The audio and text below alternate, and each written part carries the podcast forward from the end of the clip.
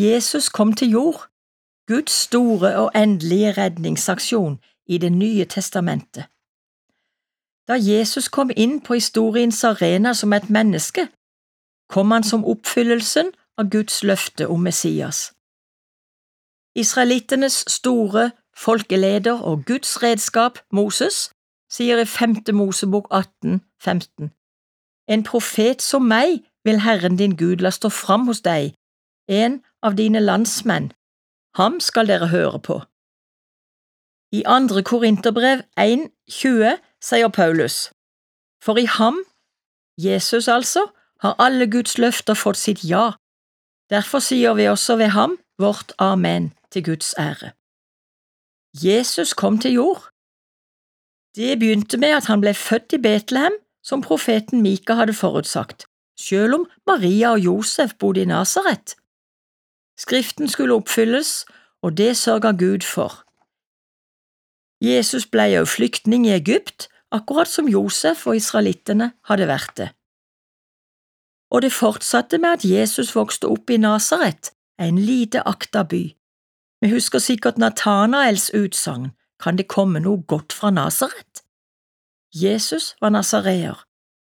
Det beste av alt, og den beste av alle, kom fra Nasaret.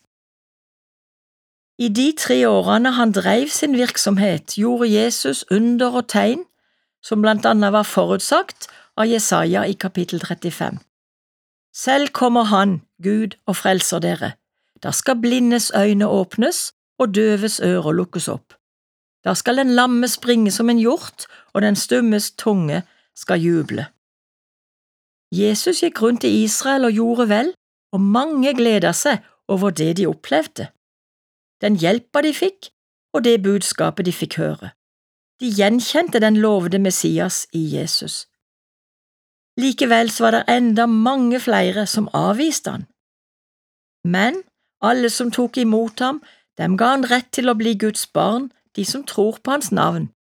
De er ikke født av kjøtt og blod, ikke av menneskers vilje og ikke av manns vilje, men av Gud. Det sier Johannes i kapittel 1, vers 12–13. Det er store og løfterike ord som først er sagt til Jesu eget folk, jødene, og så til oss som tilhører folkeslagene. Jesus sin oppgave her på jord ble fullført da han døde på korset. Der og da ble han forlatt av Gud. Nå ofra Gud sin sønn. I nærheten av det stedet der Abraham hadde sagt Gud vil selv se seg ut et brennofferlam, og der jødene stadig på denne tida bar fram sine offer i tempelet. Jesus ble soneofferet for alle menneskers synd, og like før han døde, så sa han, Det er fullbrakt. I den hebraiske bibelen så lyder det nislam, og vi hører at det ordet ligner på ordet shalom, fred. Shalom har også samme språklig rot som ordet for å betale, og gjøre heilt. Jesus har ved sitt offer brakt fred mellom Gud og mennesker. Han har betalt, tatt på seg skylda, gjort opp for synda og åpna veien fra menneske til Gud. 700 år tidligere hadde profeten Jesaja forutsagt dette i kapittel 53. Men han ble såret for våre lovbrudd, knust for våre synder, straffen lå på ham, vi fikk fred, ved hans sår ble vi helbredet. Vi gikk oss alle vill som sauer, hver tok sin egen vei, men skylden som vi alle hadde, lot Herren ramme ham. Som tegn på den åpne veien til Gud revna forhenget inn til det aller helligste i tempelet da Jesus døde. Det revna fra øverst til nederst. Det skjedde altså ikke ved menneskers hånd, men ved Guds hånd. Hva må de ha tenkt som gjorde prestetjeneste i tempelet, og som ble vitne til dette? Da Jesus tre dager senere sto opp av grava, viste han seg som seierherre over døden, og mange var de som fikk møte han og bli vitne til at han levde. De fleste jøder ser enda ikke dette, Moses er fremdeles deres største profet, Og hans ord i femte Mosebok 18 om at Gud skal oppreise en profet som ham, som de skal høre på, det ser de ikke oppfylt. Nei, der er til dags dato ikke kommet noen større enn Moses, vil de fleste jøder si. Få tiår etter Jesu jordliv, i år 70, ble jødenes tempel lagt i grus og er aldri blitt gjenreist. Hva nå, når offerstedet deres er borte? Det er vårt kall å be og arbeide for at Jesus sine landsmenn må bli kjent med den profeten som Moses profeterte om, at de må høre på han og se at han er deres Messias.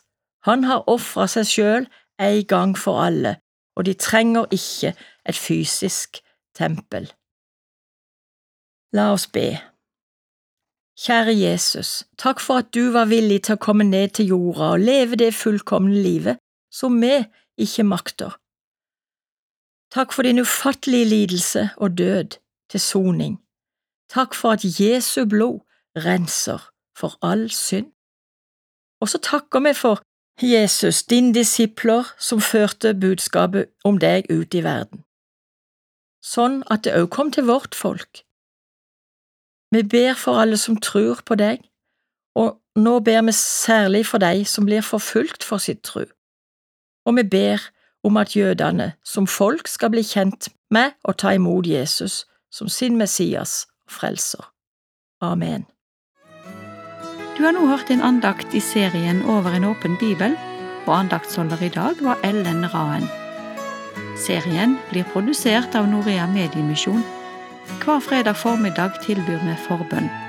Ring oss på telefon 38 14 50 20, 38 14 50 20 mellom klokka 9 og klokka 11.30. Eller du kan når som helst sende oss inn mail Bruk adressen post krøllalfa norea.no.